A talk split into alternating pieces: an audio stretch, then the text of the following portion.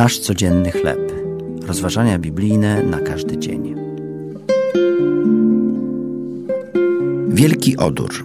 Tekst autorstwa Merwina Williamsa na podstawie pierwszej księgi Mojżeszowej, trzeci rozdział od 16 do 13 wiersza i od 22 do 24.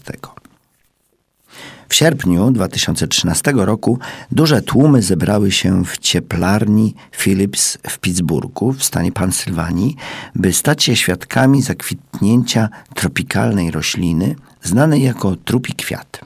Ponieważ roślina pochodzi z Indonezji i może kwitnąć tylko raz na kilka lat, jej ogromne kolczaste i czerwone kwiaty są czymś sensacyjnym.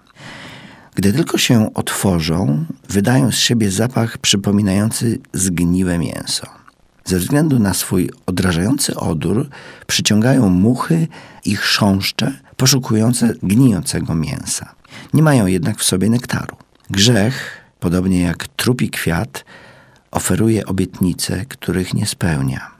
Adam i Ewa nauczyli się tego na własnym błędzie. Ogród Eden był pięknym miejscem, dopóki nie zrujnowali go jedyną rzeczą, którą Bóg zabronił im czynić. Skuszeni, by wątpić w Bożą dobroć, zignorowali pełne miłości ostrzeżenie Stwórcy i wkrótce utracili niewinność.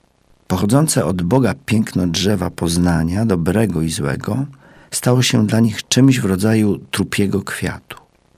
Konsekwencją ich nieposłuszeństwa stało się wyobcowanie, smutek, pustka, znój i śmierć.